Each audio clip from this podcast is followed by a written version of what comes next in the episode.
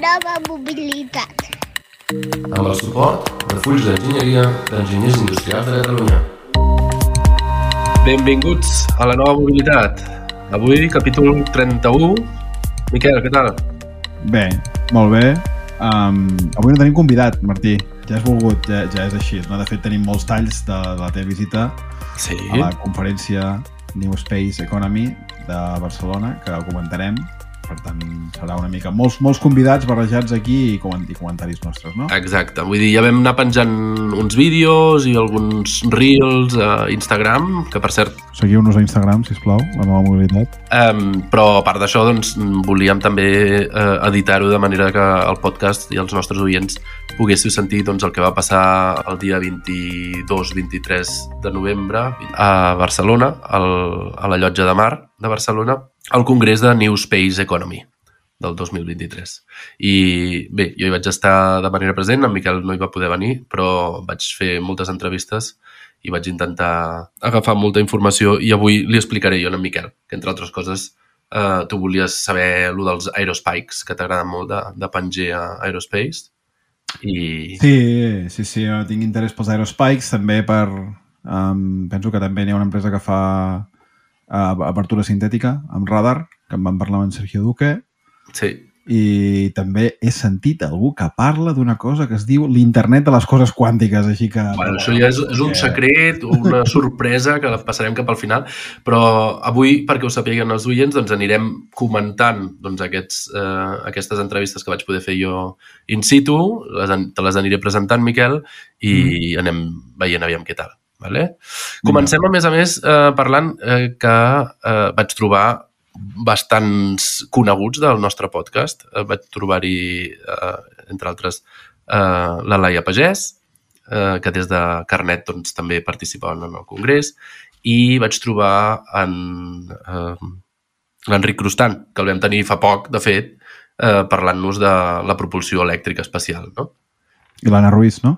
L'Anna Ruiz també, però vull dir, volia primer de tot també donar-li les gràcies a en- a l'Enric, que em va estar ajudant també a l'hora de, de agafar la gent. L'Anna també em va presentar un parell de persones, però i l'Enric fins i tot em va ajudar a fer unes gravacions amb el mòbil que va, va estar molt bé. Vull dir que moltes gràcies en aquest sentit a a- a l'Enric.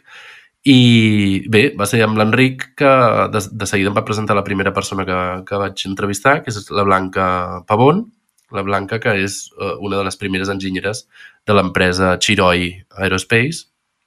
Um, I jo diria, sense més retard, uh, escoltem què ens va explicar. Què et sembla? Vinga. Hola, uh, bé, jo sóc na Blanca Pavón i ara mateix estic treballant com a enginyera de propulsió aero espacial elèctrica a Xiroi Aerospace, que és una, una startup que hem començat a treballar ara aquí a Barcelona. Molt bé. A la nova mobilitat vam tenir l'Enric Crustant fa poc. Sí. Um, quina és la teva funció dins de Xiroi? Bueno, uh, jo uh, m'estic encarregant de desenvolupar el nostre primer propulsor elèctric que feim servir um, física d'Electrosprays um, i jo m'estic encarregant una mica de, de tot, de organitzar com seguim totes aquestes fases de desenvolupament i també desenvolupar els primers prototips que després anirem millorant per arribar a tenir un, produ un producte final de, de Plugim, que és aquest uh, primer propulsor que, que estem fent. I quin, quins són els reptes més importants que tens al dia a dia? Bueno, ara mateix eh, estic treballant um, com desenvolupar, eh, com pressuritzar el nostre sistema d'emmagatzematge de, de propellant, de, de fuel. Um, també eh, estic estudiant com desenvolupar el microxip propulsiu i després com integrar-ho tot junt. Molt bé.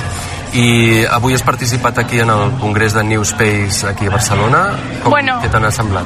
Bueno, he vengut com a, um, atendir, a, a veure què tal. És el primer any que, que venc aquí i m'ha agradat molt. Uh, hi havia molta més gent de l'esperat i ha estat com molt més gran del que esperava.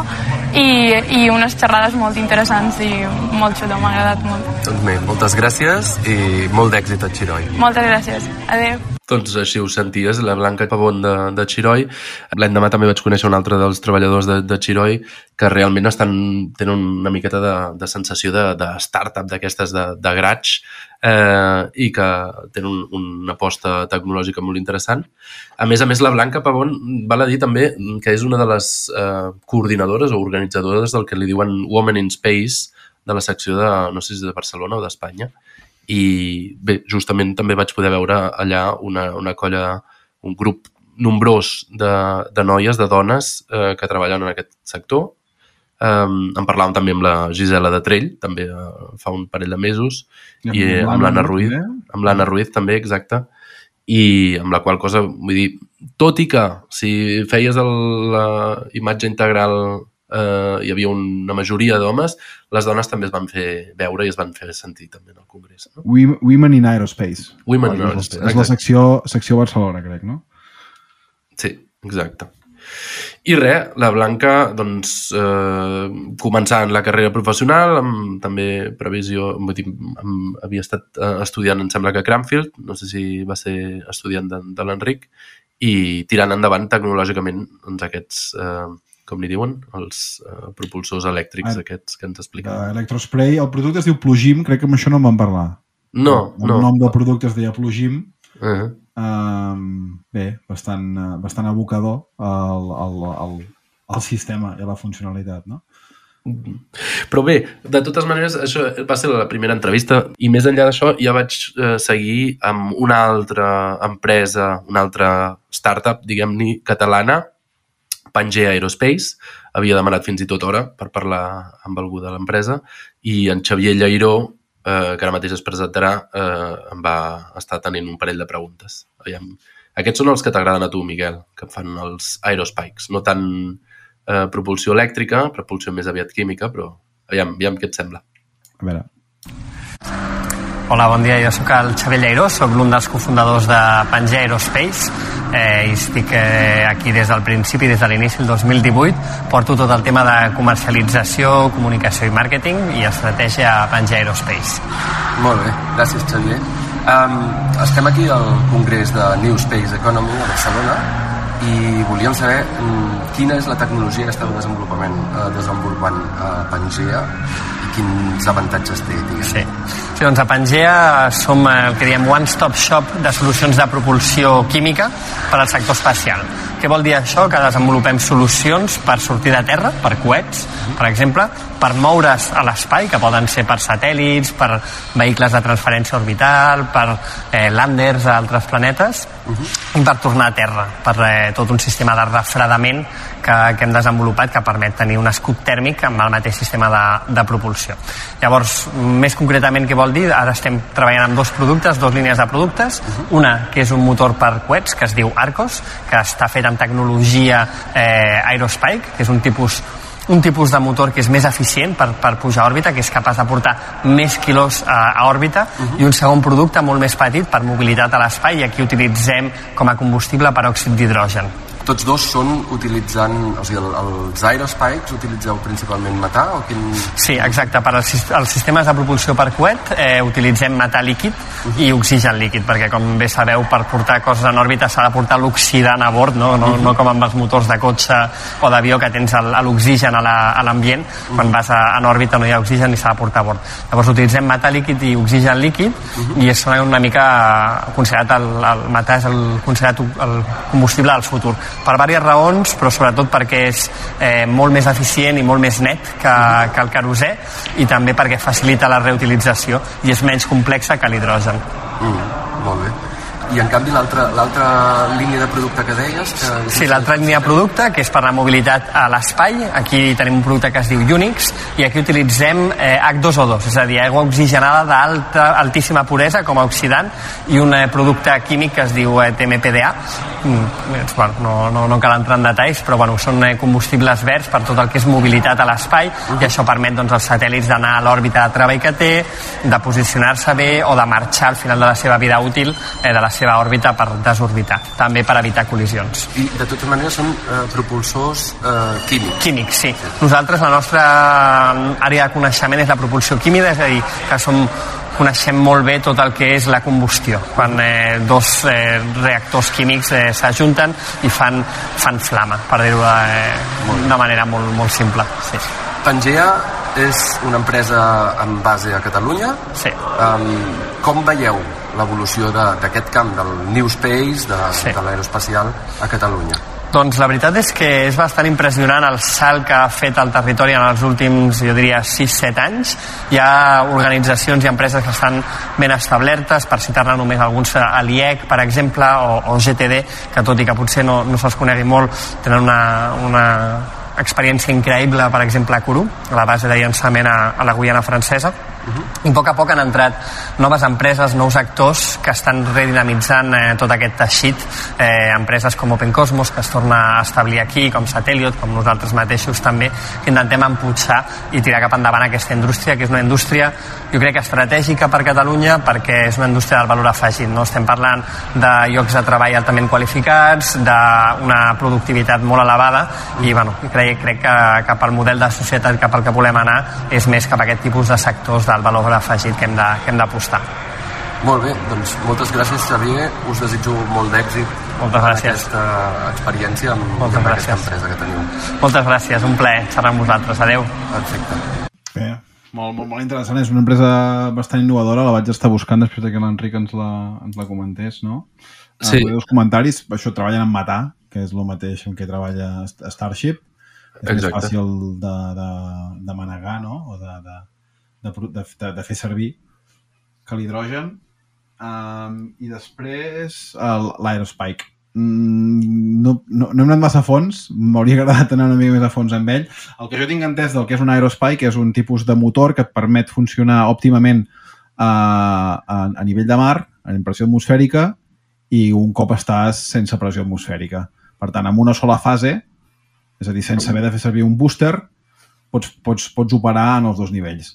Això hi ha diverses empreses que, que, que, que, que ho han intentat. Eh, De fet, hi ha, hi va, en una entrevista de l'Everyday Astronaut en Team Dot en parla amb l'Elon Musk per què no fan un Aerospike i la, la resposta és que um, bé, ho pots fer en una sola fase però si tu pots recuperar un booster seràs més eficient amb una fase que sigui optimitzada per pressió atmosfèrica i una, i una fase que sigui optimitzada per, per, per, per la part espacial, per la part en què no tens pressió atmosfèrica.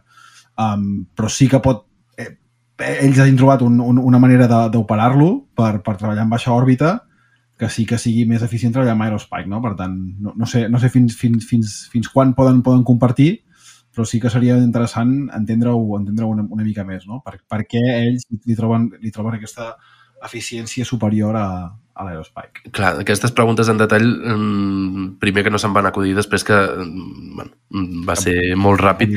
Um, encara, a més a més, el vaig treure d'una conferència que hi havia, vull dir que va ser una mica complicat, però de totes maneres jo crec que en Xavier i amb els seus companys, em sembla que és l'Adrià, el cap, eh, el CEO de l'empresa, eh, ens estaria bé fer un altre, un deep dive no? sobre això dels eh, aerospikes. I jo el que vaig trobar molt interessant és això de, que diuen, diu, és que no ens limitem només en aquest producte, sinó que en principi ofereixen més d'un producte, no? I el, el, Mm. al cap i a la fi el que estan fent són diversos sistemes de propulsió que, o sigui, si una empresa que vol construir un coet o un, un satèl·lit o un coet amb satèl·lit i amb nau i no sé què, ells proporcionen, diguem-ne, tot el, el ventall de sistemes, no? proveïdors de tecnologia, proveïdors de components per al transport aeroespacial. Bé, bueno, ho estem veient, això està, està madurant tot el sector, no? S'estan posicionant. I el, el interessant també és que els, de, els companys de, de Pangea van dir estem a punt, a punt, a punt de tenir una notícia boníssima però no la podem explicar avui. I al cap de dos o tres dies després del congrés ho van, ho van penjar com a mínim a, a X i a, i a LinkedIn que han estat seleccionats per una de les, um, de les acceleradores um, Cassini, n'hi diuen Cassini Business Accelerator, que em sembla que és de, de l'Agència Espacial Europea, si no m'equivoco, per seguir desenvolupant eh, la seva tecnologia i per créixer i escalar ràpidament, no? I això, Molt vull dir, molt bona molt bona, bones notícies per, per Pangea en si i, bueno, demostra doncs, que el, el talent i la tecnologia que s'està desenvolupant a Catalunya doncs té sortida i endavant, eh? M'entens? Vull dir que, aviam, Eh. el seguirem, seguirem a temps i potser algun dia els hi fem unes preguntes així una miqueta més picants, eh? A veure, a, a veure quan els tornem a trobar. Aviam quan els tornem a trobar. Els que ha anomenat també en Xavier Lleiró són Sateliot. Uh, Sateliot se'n va escapar, ho he de dir. Hi havia en, en Jaume Sampere, em sembla que es diu, el, el CEO de Sateliot. Era l'empresa amb més renom a Catalunya que hi havia um, en, aquell, en, el, en el Congrés i de fet el conseller Roger Torrent va anunciar que els hi donaven un, uh, un finançament dels propers uh, anys, ara no em sortirà de quants milions eren, però bueno, diguem-ne un finançament totxo per seguir escalant. I Sateliot, al cap i a la fi, el que està fent és m'ho resumeixo jo una miqueta des del meu punt de vista, però és una miqueta el que està fent Starlink, no? és a dir, oferir connexió eh, d'internet i connexió mòbil des de l'espai exterior. No? Des de, amb una constel·lació de, de satèl·lits, ja estan construint-los i els estan enviant i per seguir, eh, o sigui, fer una constel·lació de satèl·lits eh, paral·lel a Starlink, doncs hi ha moltes empreses que ho estan fent i una d'elles és Sateliot, en base a, a Barcelona, en base a Catalunya, i eh, la Generalitat doncs, els hi donarà finançament perquè segueixin escalant eh, l'empresa i el negoci. Amb la qual cosa, des d'aquí un, una felicitació també a Sateliot. Malauradament no vaig enganxar en Jaume Sampere, que estava al Congrés, i ara posteriori ens han dit que malauradament no tindrà temps per venir a parlar amb nosaltres al podcast. Llàstima. Jaume, si ens escoltes, eh, aviam si més endavant, quan t'escampis l'agenda, potser ens pots venir a veure. L'any que ve ho provem, altra vegada. Exacte. Però bé, això van ser les tecnològiques. Llavors, eh, vaig tenir la vinentesa d'entrevistar la, la CEO d'una altra empresa eh, catalana, no tant de propulsió, però també relacionada amb el camp dels satèl·lits, per dir alguna cosa, um, i sobretot però el, amb el processat de, de dades i, el, i la, el disseny de com i quines dades eh, es retransmeten des d'un satèl·lit cap a la Terra, amunt i avall, i depenent de què és el que vulgui fer aquell satèl·lit. Si vol fer fotos, si vol fer analitzar el clima, si vol analitzar els pantans. Uh, S'enfoquen en una aplicació que és observació de la Terra a través de satèl·lits, no? Sí. I llavors, quina, quin procesat de senyal... Uh, o sigui, ofereixen solucions de processat de senyal uh, per l'aplicació observació de la Terra i sobretot radar, crec, o també imatge.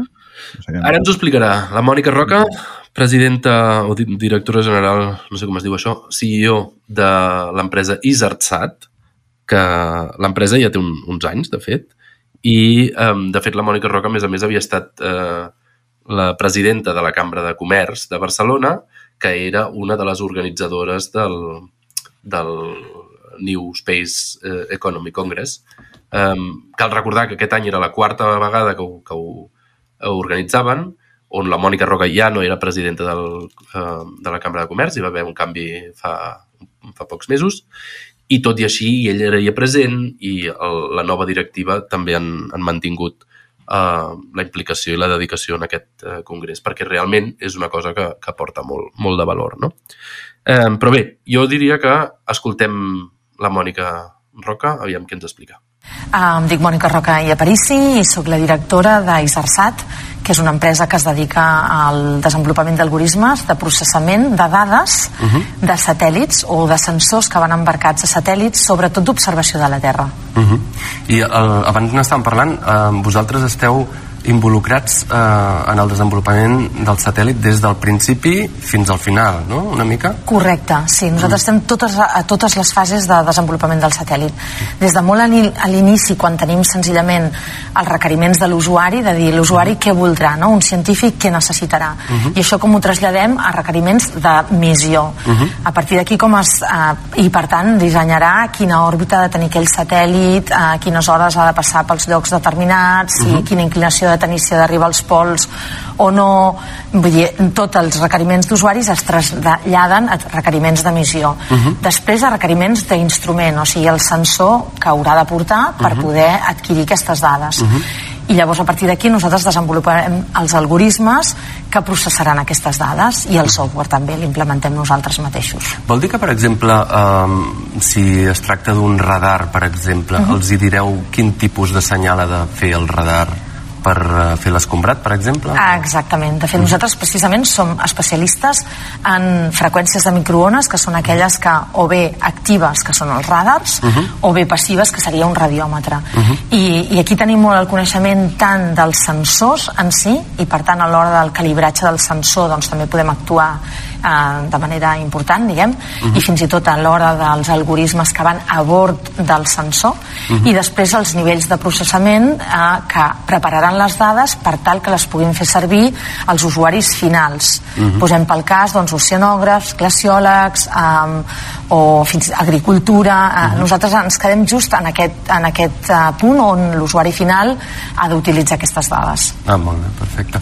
I aquest tipus de software és, no és un software que es eh, crea o es programa una vegada i ja està, sinó que també eh, al llarg de la vida del satèl·lit de tant en quant s'ha de fer un update, no? Efectivament. Els satèl·lits normalment es dissenyen, tenen una vida útil al voltant d'uns 5 anys, però després, per sort, com que hi ha moltes toleràncies i hi i hi ha molts bons enginyers i enginyeres i científics, acostumen a, a durar més temps. I, per tant, els algoritmes es van millorant durant tot aquest temps. I tant el que són els algoritmes de bord que també es poden canviar i, i quan el satèl·lit passa per damunt d'una estació de terra li pots fer un, un uplink que es diu, eh? li pots enviar un pedaç eh, nou de software com els softwares evidentment que hi ha a terra que tots els algoritmes cada dia van millorant i, i contínuament es van, eh, van millorant i hi ha noves necessitats i de vegades fins i tot reprocessem dades de satèl·lits que ja no estan uh en vigent actiu. que, a- que no, no estan actius que ja s'han o bé desintegrat en, a, a l'hora no? Mm, a l'hora de retornar a la Terra a través de l'atmosfera o bé encara estan com una escombraria espacial però amb l'objectiu de que un bon dia eh, atravessin l'atmosfera aquells satèl·lits ja no estan actius i nosaltres encara reprocessem les dades amb nous algoritmes per adaptar a les noves circumstàncies i a les noves necessitats que tenen els científics o fins i tot la societat, eh? perquè no només són els científics que acaben utilitzant aquestes dades, s'utilitzen, com bé saps, per mobilitat a terra,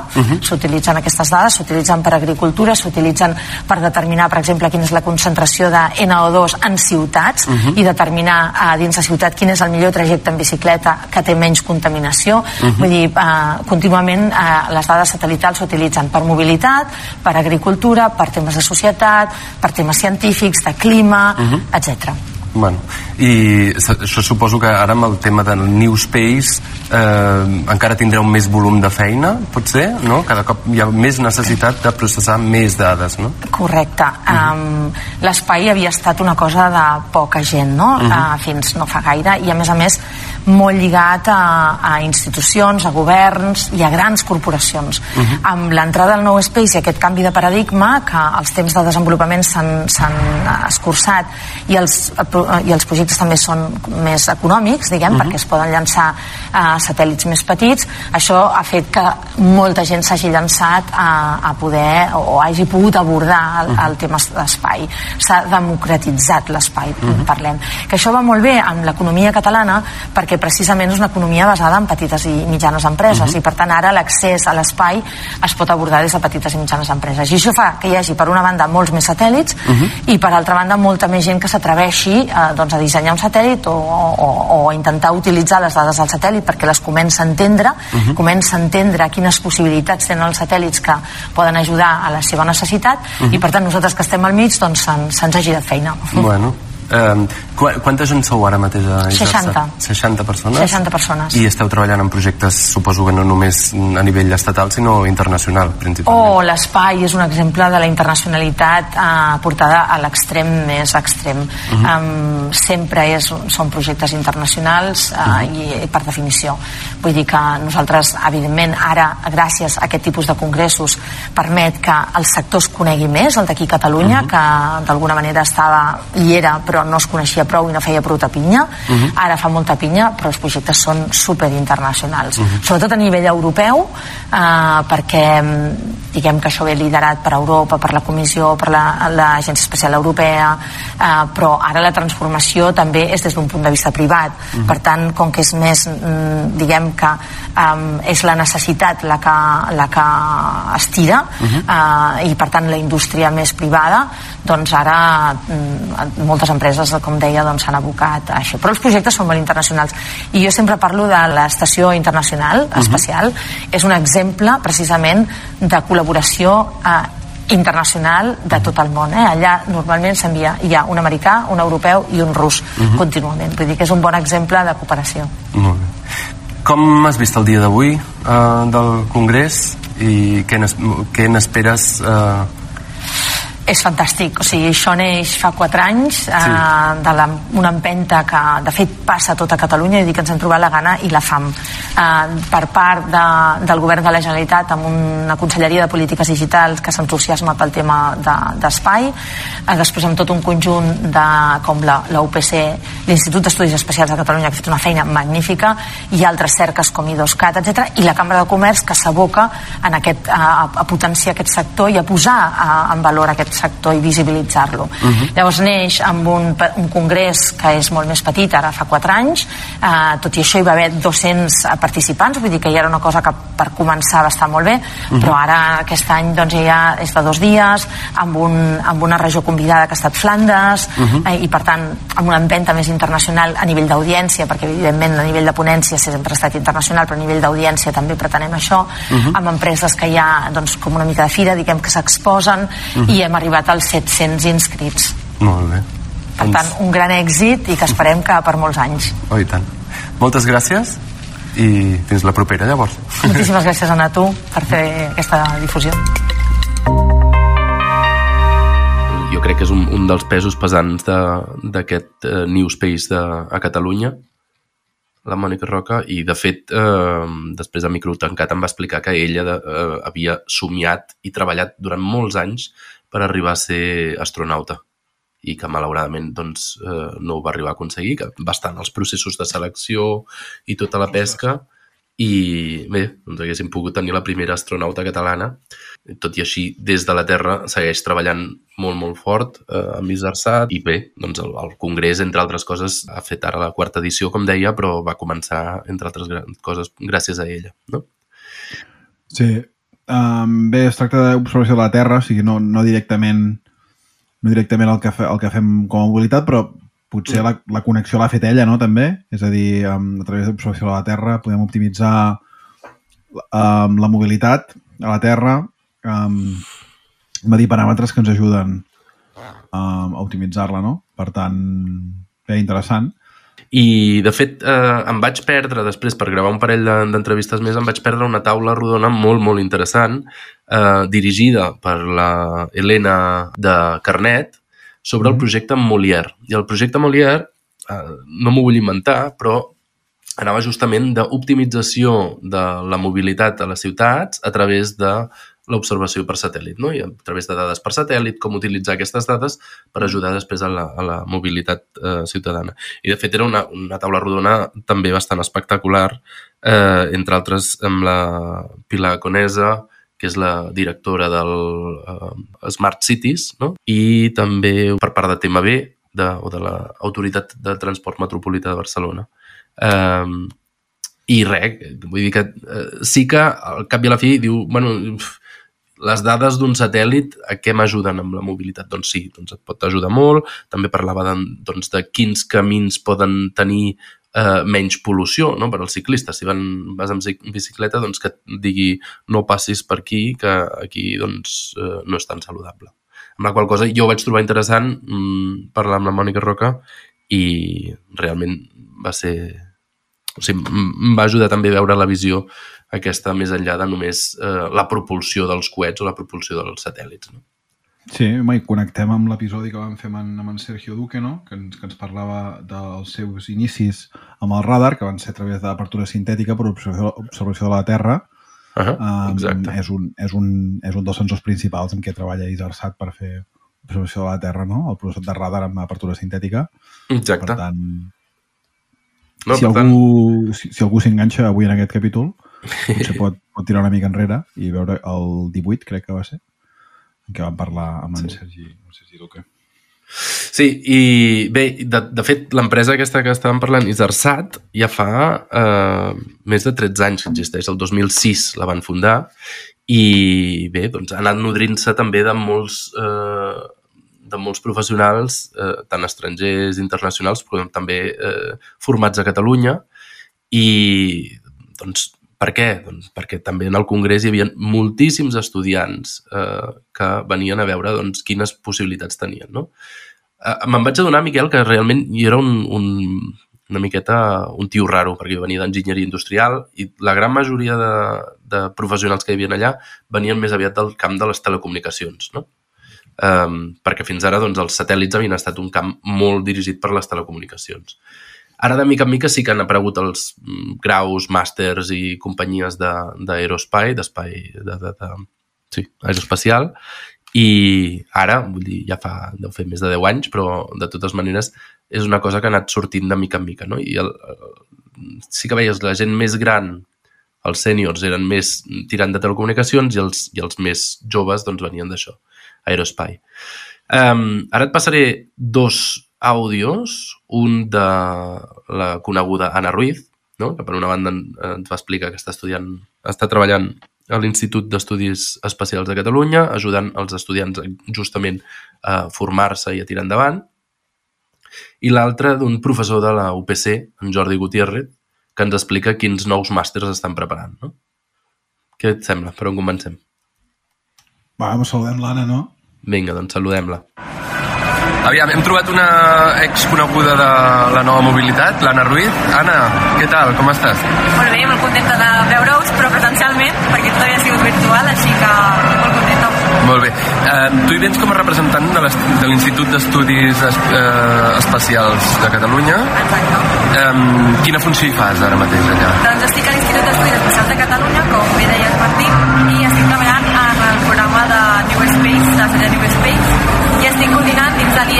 programa de i Societat. Talent i Societat, que entre altres coses eh, otorga unes beques a estudiants eh, del, de aeroespacial Exacte, el que estem fent des de l'IEC en aquest programa, dins de moltes altres activitats, és que estem becant a tres persones perquè puguin assistir al programa de Summer Space Program de la International Space University, un programa que es fa cada estiu, i des de l'IEC i la Generalitat de Catalunya volem donar suport a que les persones puguin assistir-hi. Molt bé. Um, he vist que din- dins del públic d'aquí del Congrés, de New Space, que estem, en el que estem assistint, hi havia molts estudiants. Um, creus que hi ha, o sigui, hi ha moltes oportunitats uh, per a aquests estudiants, tant a Catalunya com a l'estranger? Doncs hi ha moltíssimes oportunitats, tant per exemple de com fer pràctiques en empresa, com fer cursos. L'únic que a vegades costa com trobar les oportunitats, això l'IEC i altres institucions el que intentem fer és comunicar el que hi ha i així els estudiants poden arribar a informar-se sobre què els agradaria fer, sobretot on podrien aplicar. Molt bé. També des de l'IEC estem iniciant uns ajuts perquè les empreses puguin tenir a persones en pràctiques i just d'aquí unes setmanes podrem publicar les ofertes a les. Molt bé, és a dir, si hi ha un estudiant que estigui interessat en aquest tipus d'ajudes, eh, com ha de contactar amb vosaltres? Doncs directament nosaltres el que farem serà eh, parlar amb l'empresa perquè l'empresa pugui penjar a la borsa de pràctiques a l'oferta com que han rebut l'ajut. Llavors els estudiants només han d'estar al temps a les seves borses de pràctiques perquè puguin veure les noves opcions que es faran a l'any que ve, Segur- I- segurament al gener. I això sortirà a la pàgina web de l'IEC? Sí, a la pàgina web de l'IEC, de l'IEC, quan acabi el comitè avaluador d'avaluar les opcions, explicaran tots els enllaços i quines ofertes han sigut les guanyadores perquè vosaltres doncs, pugueu clicar i veure quines opcions teniu per fer aquestes pràctiques. Molt bé. Eh, què t'està semblant el Congrés? Algun resum així? Doncs estic molt contenta d'aquest congrés perquè crec que hi ha xerrades molt interessants. Uh, personalment hi ha temes que m'agraden molt, primes Humanitats i crec que aquest congrés doncs, també té aquesta doble vessant de, de més empresa i, i economia però també hi ha combats més humanitats, sobre el talent, que és el meu interès. I crec que l'organització ha fet un treball genial. I m'agrada molt que aquest any pugui ser en anglès perquè estem coneixent també gent de fora i el que, el que estic més fent aquests dies és conèixer gent nova i també retrobar vells companys i companyes on poder continuar fent una mica de xarxa. Uh -huh. Acabem de veure una ponència de Remco Timmerman, no?, que estava explicant eh, com la seva interpretació de la comunicació de l'espai. Tu també t'hi dediques a la comunicació. Um, quines um, coses diries que és el més important a l'hora de poder comunicar uh, aquests temes que de vegades són una mica més abstractes, més difícils d'entendre? Doncs crec que comunicar aquest sector d'espai que a vegades pot semblar una mica difícil o que està lluny de les nostres capacitats, crec que és important parlar des de la nostra experiència pròpia i del nostre camí i fer-ho com si expliquéssim en un cafè amb un amic o amiga el que està passant al món de l'espai. I sobretot això, explicar històries de les persones que ja estem treballant en aquest sector, crec que és la manera que podem fer arribar què és realment el sector de l'espai. Molt bé, doncs moltíssimes gràcies, Anna, i segueix disfrutant del congrés. Igualment.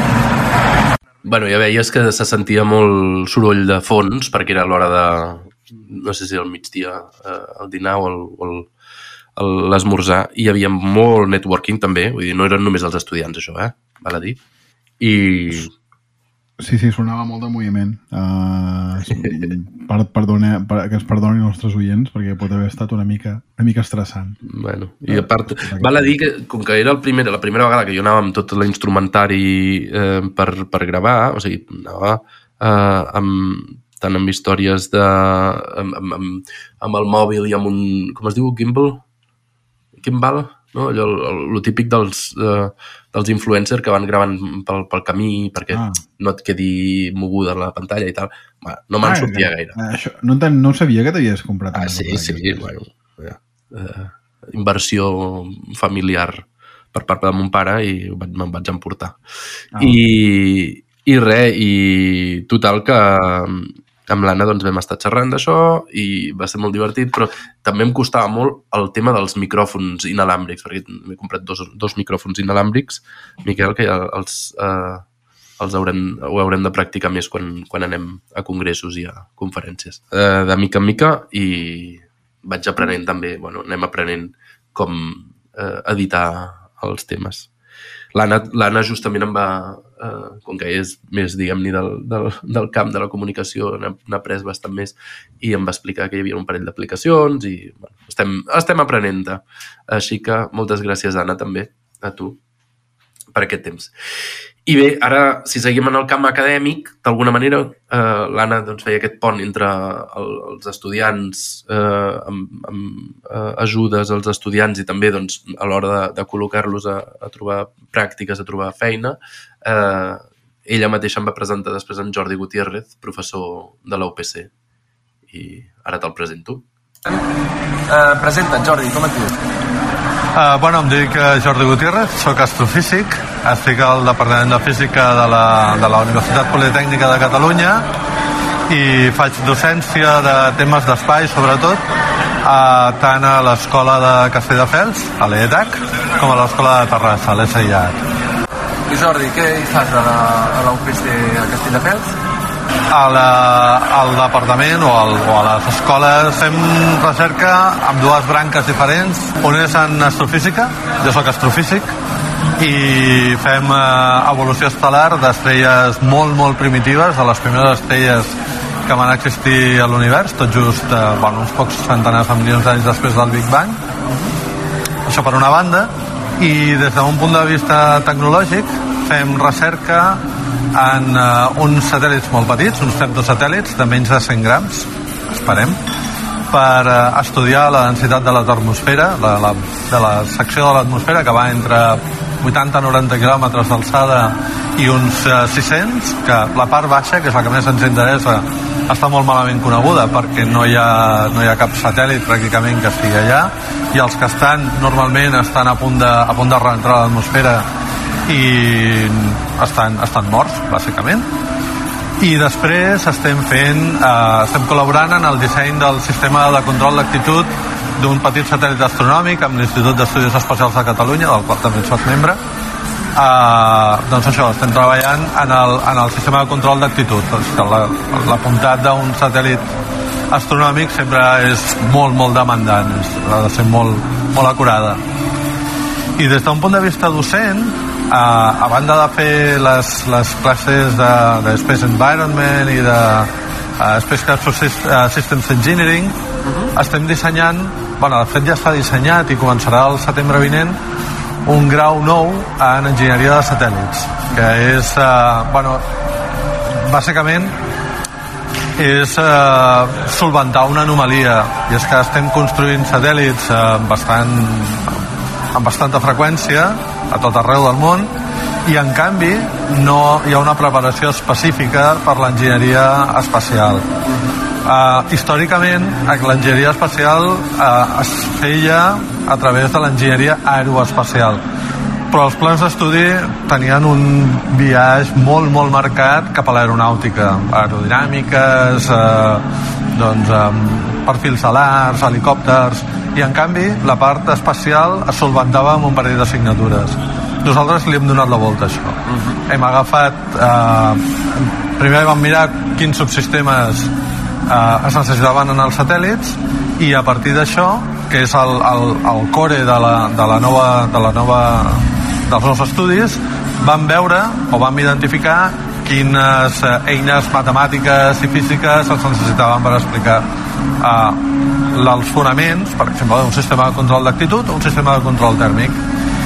I a més a més, i això és bastant ambiciós, eh, volem que sigui un grau en el qual hi hagi una eh, forta component experimental.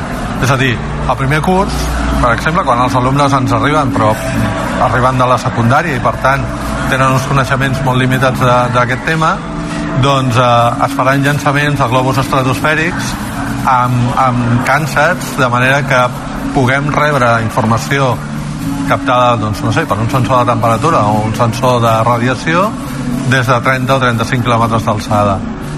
Uh, I això culminarà, idealment, uh, entre tercer i quart, quan els, els estudiants col·laborin en la construcció d'un petit satèl·lit.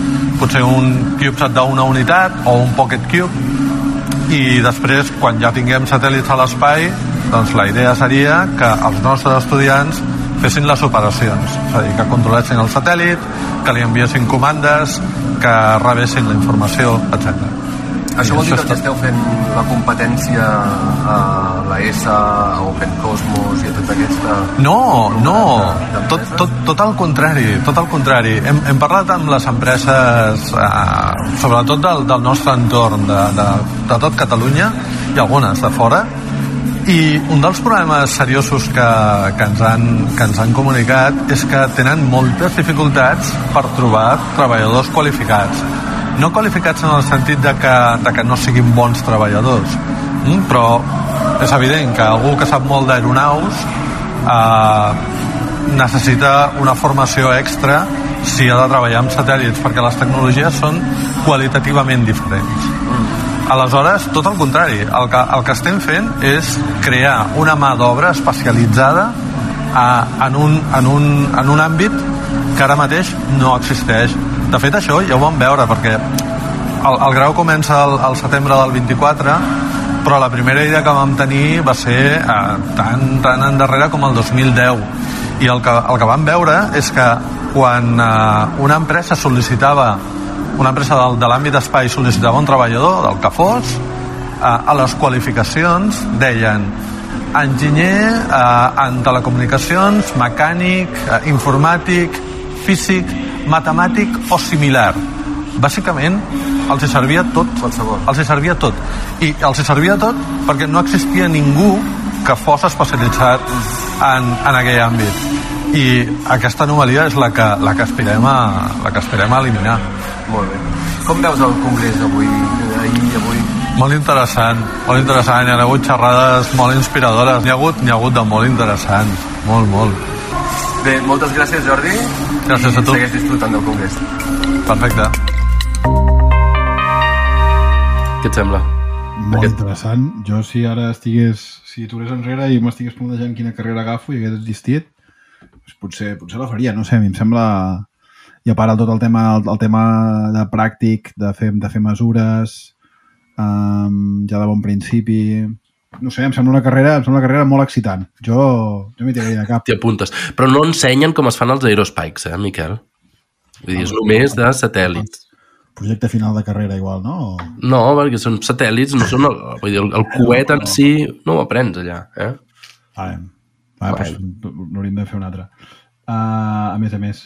Però ja anem acabant, eh? Perquè portem aquí gairebé 40 i pico minuts Bueno, jo, Tot- jo, vull, jo, jo vull que parlem de l'internet de les coses quàntiques encara. a l'internet de les coses quàntiques. uh, lo de la, això de la termosfera m'ha interessat, que no... Bueno, que la, la, clar, la capa més baixa de la termosfera és quelcom...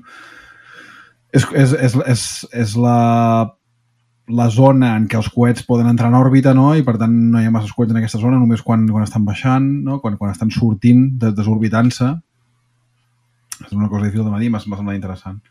Uh, però bé, ja, ja et dic, um, fa- farem propaganda, farem propaganda del grau. Del grau. Uh, aviam, aviam.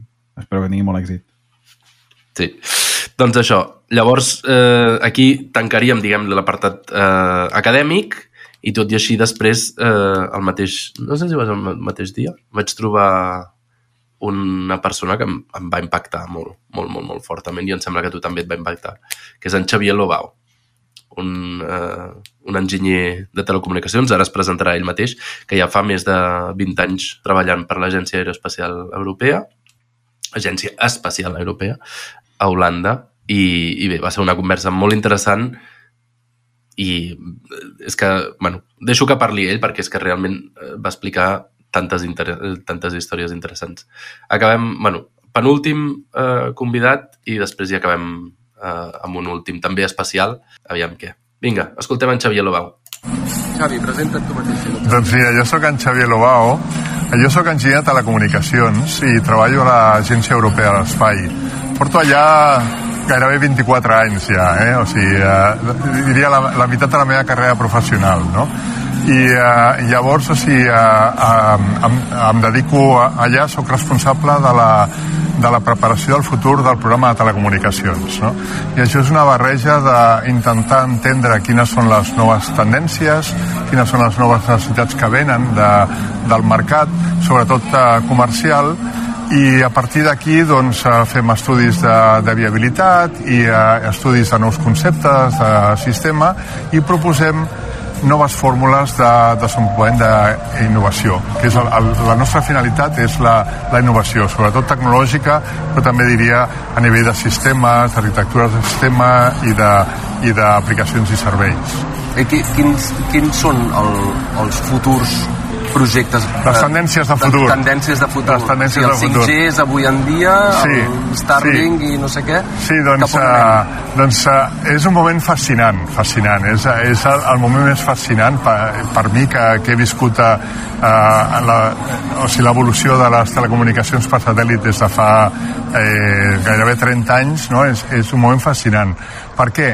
Perquè per una banda o sigui, tenim eh, tot el, el tema de la connectivitat per satèl·lit per banda ampla o banda eh, estreta. Per això és connectivitat a internet, um, que ara pues, amb sistemes com Starlink que eh, els tenim a, a tot arreu i, a, i amb uns preus super assequibles o sigui, jo eh, o sigui, faig una mica de navegació em fascina veure que hi ha petits vaixells en els ports que tenen eh, terminals a satèl·lit connectats no?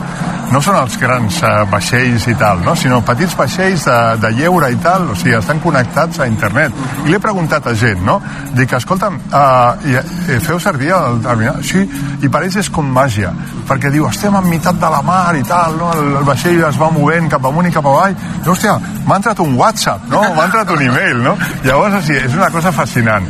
Llavors, uh, aquest és un dels temes.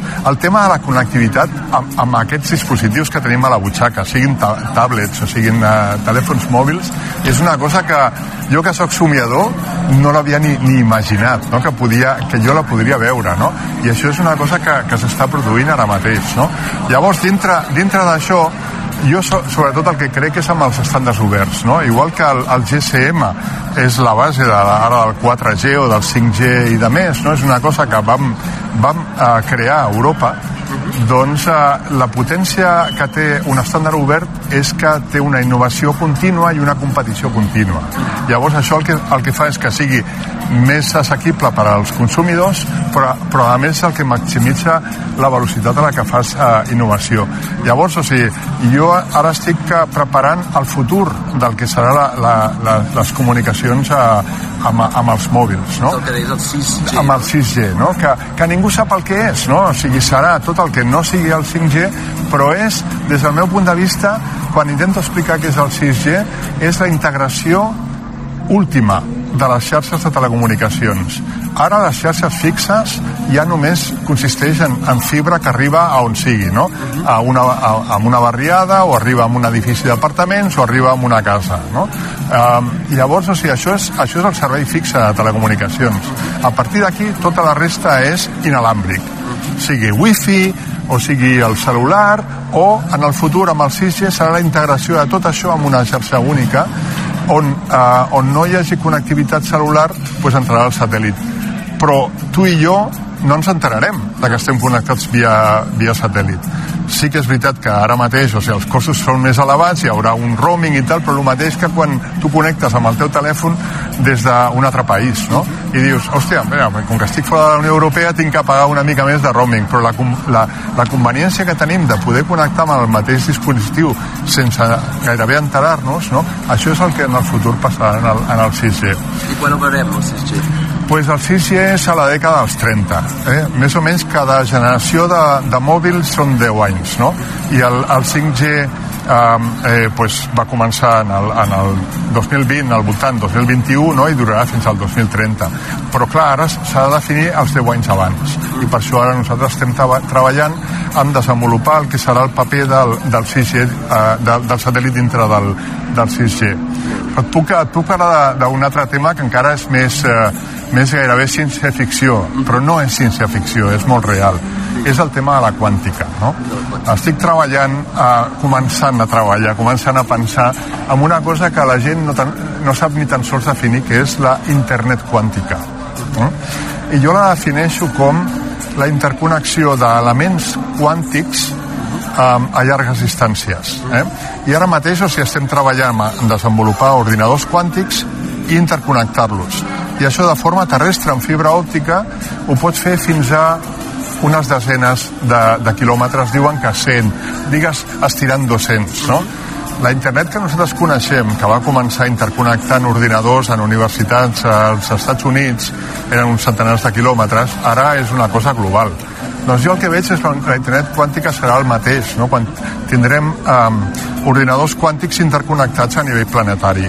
Això l'única manera de fer-ho és a través de satèl·lit i això pues, eh, o sigui, són comunicacions làser ara mateix s'està parlant a nivell de present és la, la, les um, eh, claus quàntiques um, eh, distribuïdes a través de satèl·lit jo vaig molt més enllà, és el tema de la interconnexió última. I parlo d'una cosa que no l'he vist publicada en lloc, no? Llavors, primícia, eh? per, primícia per al podcast, és la internet de les coses quàntiques, no? És a dir, o sigui, hi ha una cosa que s'està començant a desenvolupar que són els sensors quàntics, que permetran pues, que eh, tinguem una mesura molt més precisa d'algunes magnituds físiques o eh, que tingui una sensibilitat que no la tenen els sensors que tenim avui en dia. Doncs, eh, igual que tenim la internet de les coses, que això la gent ho entén, eh, doncs eh, quan tinguem coses quàntiques s'hauran també d'interconnectar entre elles i, i, i connectar-les als processadors quàntics, que són els ordinadors, no? Llavors, per això, la, la internet de les coses quàntiques, no? És, és com jo l'he definit, eh? Això, això m'ho he, he inventat jo, no? Llavors, o sigui, un altre tema en el que estem treballant que és superfascinant és eh, donar connectivitat i posicionament a la Lluna. Eh? Llavors, o sigui, hi ha gent, fins i tot avui en aquest congrés, no, que, que m'han dit, però escolta'm, eh, això és llarg termini, no? I dic, no, ara mateix, o sigui, hi ha missions finançades de forma privada que van a la Lluna envien, envien una, un lander. L'Artemis és pública, no? És, és la NASA en comparació amb altres agències. Són, és, diem, la manera tradicional de fer exploració. Però hi ha, hi ha missions eh, finançades 100% de forma privada que s'han anat a la Lluna. Amb, amb Roberts va haver una, una japonesa finançada privadament que es va, estar, es va estar ballant els darrers metres. Eh, han anunciat, em sembla que just aquesta setmana, la setmana passada, que tornen a anar-hi tornen a anar-hi perquè o sigui, saben què va passar i eh, l'espai és complicat eh? Però llavors o sigui, el que vull dir és que s'està creant un concepte de l'economia eh, de la Lluna no? economia lunar no? aquesta, aquesta economia Uh, té molt de sentit que es concentrin en, en la seva finalitat, sigui la d'explorar, o hi haurà gent que pensarà en, en, en explotar recursos uh, de la Lluna, uh, mineria i de més, no? Uh, doncs uh, el, que és, el que és interessant és que es concentrin en, en la seva finalitat i llavors, igual que aquí, eh, quan es plantegem muntar un negoci, comptes que hi haurà una infraestructura de telecomunicacions, uh -huh. doncs és, és l'aposta que estem fent per la Lluna, una, una cosa similar. Però jo vaig més enllà, això ja és el present, això estem treballant-hi. Ara mateix estem definint una constel·lació al voltant de la Lluna. Jo penso que llavors anirem a Mart. Una constel·lació de satèl·lits. Una constel·lació de satèl·lits que donarà, per un costat, serveis de, de, de, de telecomunicacions a la Lluna i per altre costat eh, una, eh, una, una que donarà serveis de posicionament com el GPS o el Galileo a, a la Lluna perquè si tu tens un rover pues, sàpiga on està i, i tu dius ves d'aquí allà no? i es pugui orientar no? Um, eh, però jo vaig més enllà. Llavors li direm no GPS, sinó que LPS. No? sí, sí, sí, sí, sí, sí, sí. sí. Uh, o sigui, el Galileo, uh, el sistema europeu, li vam dir Galileo, pues amb aquest, no sé, buscarem un personatge històric, no, científic i tal, que, que tingui sentit per això, no? Però jo el que dic, vaig més enllà, no? O sigui, estic pensant amb el mateix al voltant de, de Mart, i llavors, o sigui, la gràcia que tenim a Europa és que fem les coses amb estàndards oberts. Eh? La, la, la manera americana de fer les coses és, és la manera hipercapitalista, no? Eh, algú com Elon Musk, eh? Starlink, a mi, a mi m'enamora el que està fent l'Elon Musk amb Starlink, perquè està movent l'agulla d'una forma brutal cap a, cap a la dreta. Estan fent un avanç que a mi m'impressiona però és un sistema propietari. Eh? És el sistema, jo el comparo moltes vegades amb el, amb el món dels ordinadors i dels PCs, no? els que tenim una edat com jo, vam viure a l'època de, de la dominància absoluta de Microsoft, amb, amb, amb Windows i abans amb, eh, amb MS2. Eh? -huh. Tenia un monopoli, i a la gent no li agrada el monopoli. Va venir una, un individu que va crear el Linux no? amb, la, amb la idea de, de canviar aquest monopoli, donar opcions a la gent doncs aquesta és la manera europea, no? Estàndards oberts, de forma que llavors hi hagi diverses persones que puguin implementar, complementant-se o competint aquell, aquell estàndard, i això el que fa és eh, eh, moure moltíssim el ritme d'innovació tecnològica. No? Moltíssimes gràcies, Xavier. Um, avui ha començat el, el congrés, um, demà seguirà. Com ho estàs veient? Què hi veus? Eh, pues a, a mi m'ha fascinat, perquè o sigui, vaig venir per primera vegada a l'edició de l'any passat i han doblat el nombre d'assistents però a més o sigui, han, han doblat, el, han, han multiplicat per 10 el, el nivell de les ponències no? I de les taules rodones, no? amb, amb gent de, de, de caire internacional no? Que, que aporten moltíssim. Però al mateix temps o sigui, he vist que des del punt de vista de, de nosaltres que som catalans, no? he vist, he vist una, un compromís molt ferm per part de l'administració catalana, de la Generalitat, de la, de la Cambra de Comerç, no només organitzant aquest, uh, aquest uh, congrés, sinó a nivell de tenir una estratègia que l'estan portant a terme i que estan facilitant que es desenvolupi un ecosistema industrial aquí a Catalunya centrat en el tema d'espai. Per mi és fascinant com a, com a, com a enginyer espacial. Eh?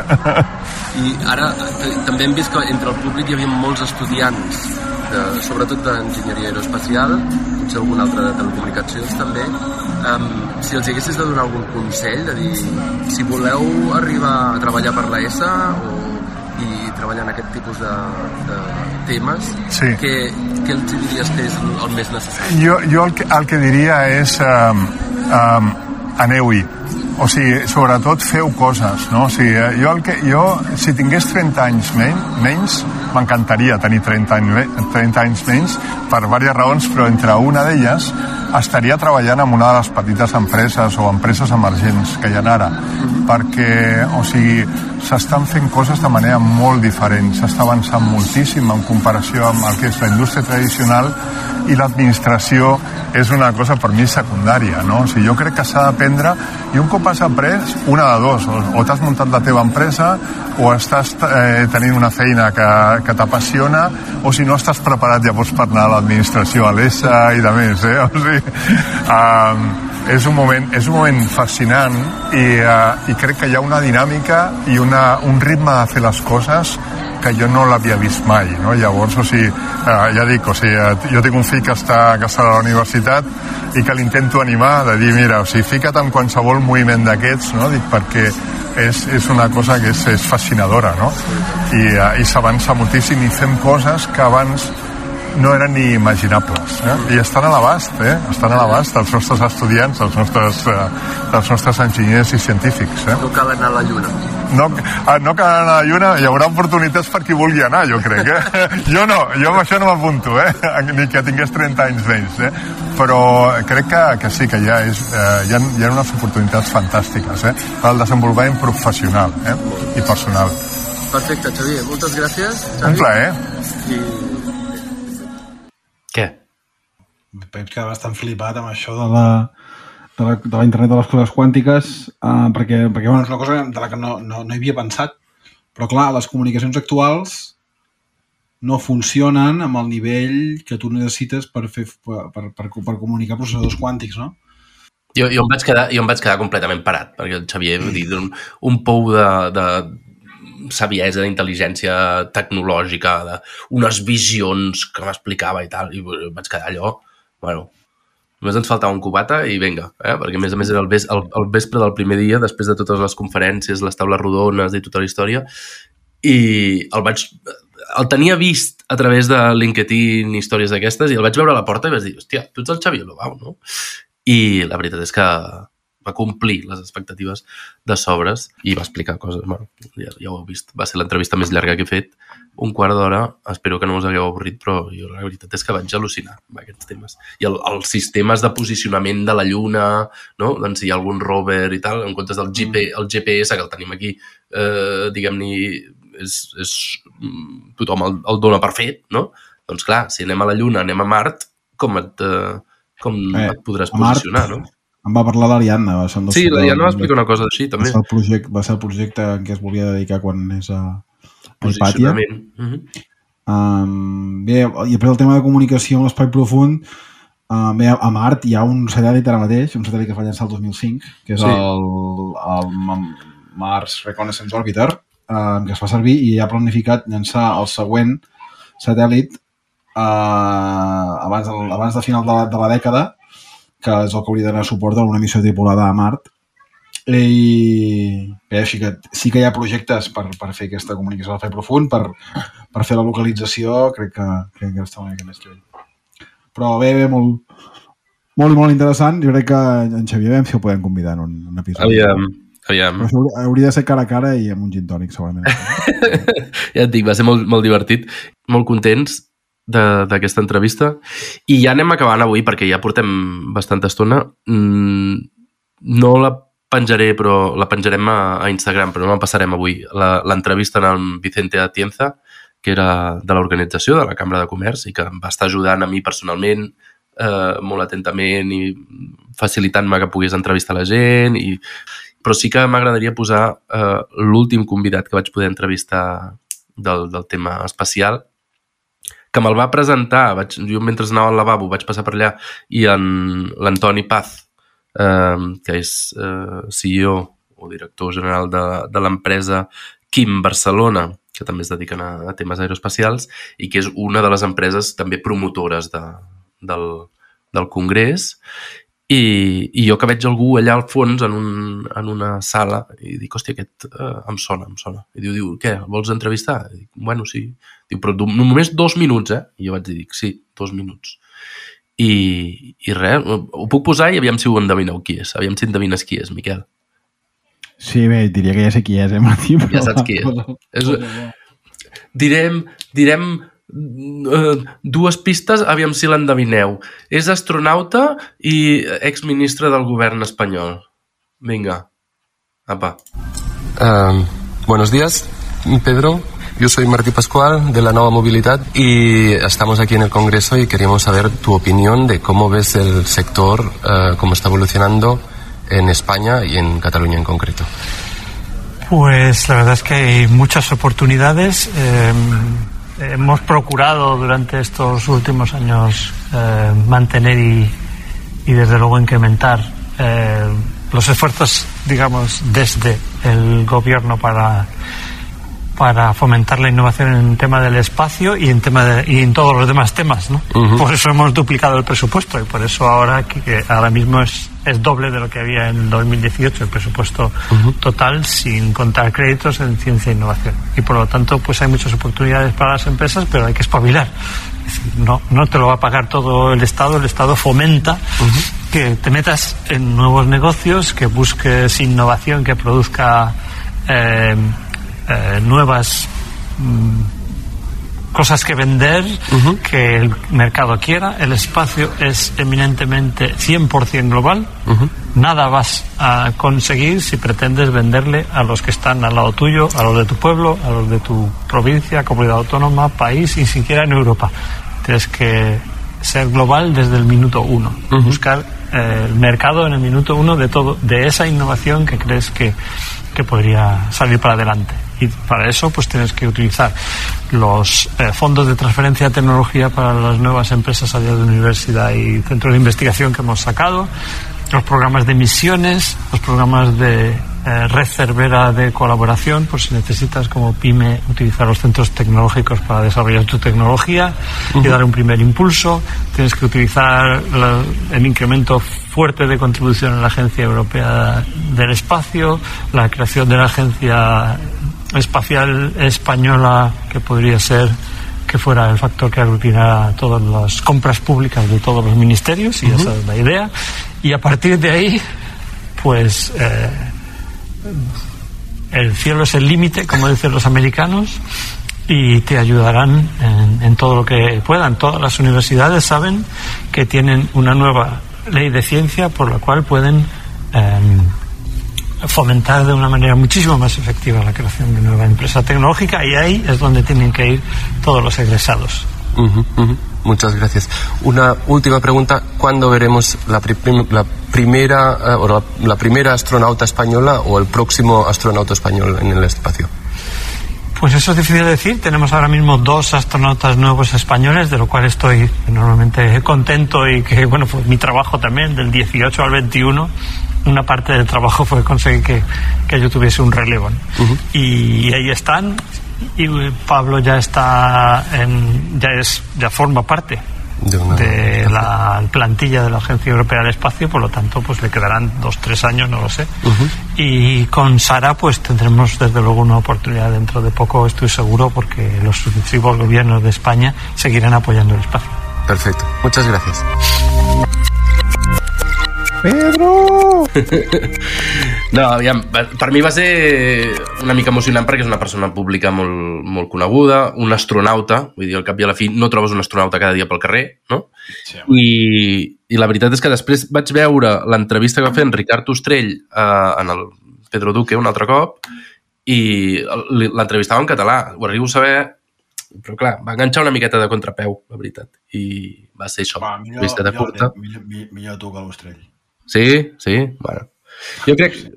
No, però és- al cap i a la fi és, és una persona interessant, eh? Vull dir, que m'ha explicat poca cosa, però i fa també un discurs una mica polític, tot el que vulguis, però, hòstia, sí, no? doncs això. I els, els dos aspirants astronautes, ja et dic, el Pablo i la Sara, ara no, no em sortiran els cognoms, però que són també doncs, aspirants a ser això, eh, els propers astronautes espanyols, que catalans ja et deia, la Mònica Roca ho va intentar, malauradament no ho va aconseguir, però és una...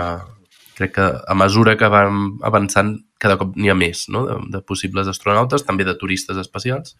Bé, I- Depèn dels diners que posa l'Estat també a l'AS, no? És el que crec que comentava l'Enric Rostant. Hi ha, hi, ha una, hi ha una mica de relació amb això també. Les, ta, ta, hi ha un tema de- d'esponsoratge en aquí.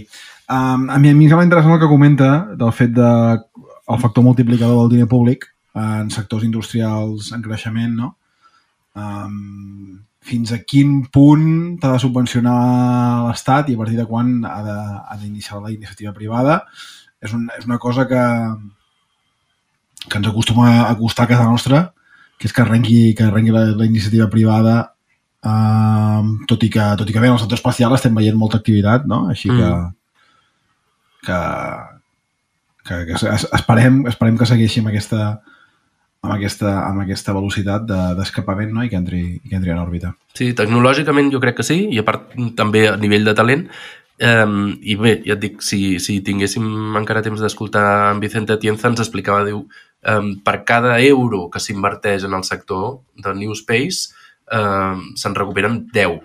Uh, Déu-n'hi-do, no? Està, està creixent molt el sector i sí que hi ha una forta iniciativa privada, per una banda, però eh, es necessita també el, el, el recolzament um, si volem que es faci a Catalunya i que no es faci a qualsevol altre lloc, eh, que hi hagi un recolzament del, del govern i d'inversió pública. I el govern de la Generalitat, sense voler fer eh, propaganda, eh, i té un pla per ajudar. No? I dèiem això amb la, el finançament de Sateliot, entre altres, i dels projectes que hi han de, de incubadores, d'instal·lacions també de... Hi ha una incubadora o una, una com es diu, un departament de, de la ESA, de l'Agència Espacial Europea, a, a Catalunya. A mi em va sorprendre això, jo no, no ho sabia gens ni mica, i doncs, que serveix també per fer aquest tipus de, de dinamització de les empreses i del mercat, una miqueta. Molt bé. Ja et dic, vull dir, la, la, la conferència, el congrés va ser molt interessant. Um, a nivell tècnic, les taules rodones, mm, ara ja no, no crec que, que en puguem parlar més, um, però penjarem, si un cas, el, el programa. I, i bé, convidar-vos a tots i a totes uh, a seguir-nos escoltant a nosaltres i a trobar-nos potser l'any que ve a la cinquena edició d'aquest uh, New Space Congress a, a Barcelona. Doncs bé, no, no, Martí, eh, ha sigut una, una primera vegada que anem a una conferència i generem, generem contingut en directe. Al febrer mm Mhm. -hmm. en farem una altra, com vam comentar l'altre dia. Sí. I bé, anirem, anirem aprenent, però crec que ho va ser molt bé, Martí. merci, merci. Eh, dic, eh, sobretot anar aprenent aquests eh, els gags de l'ofici de periodista podcast, eh, podcastero o produc, productor de podcast i ja et dic, amb dues persones em sembla que ho farem millor, Miquel. Serà més fàcil. Vinga. Vale? Vale. Doncs vinga, deixem-ho per avui. Una, cançó avui? Uh, no me n'he preparat cap, no sé si en tens tu Em vas alguna. Dir que sí, vas dir que sí que n'hi havia una, no? Avui acabem una cançó sorpresa, perquè no l'acabem de tenir del tot preparada. No en tinc. M'hagués agradat penjar la de Space Oddity del David Bowie. David Bowie, però, clar, encara no ens podem permetre els royalties. No ho sé, és que, bueno... Potser ens ho podríem mirar, això, eh? No ho sé. Vinga, Miquel, Vinga. fins la setmana que ve. Vagi Una abraçada. Adéu. Contro tierra mayor tom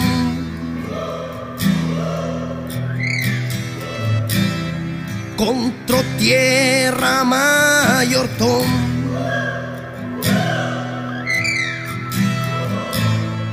Toma tu patilla y ponte en posición. Contro tierra mayor tom siete, seis. La cuenta atrás ya empezó. Tres, dos. Ponte en marcha y dale al acelerador.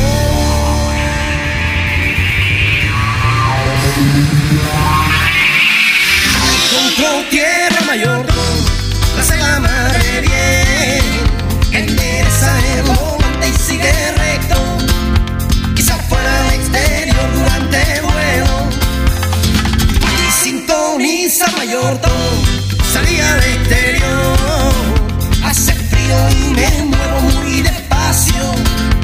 Las estrellas son muy raras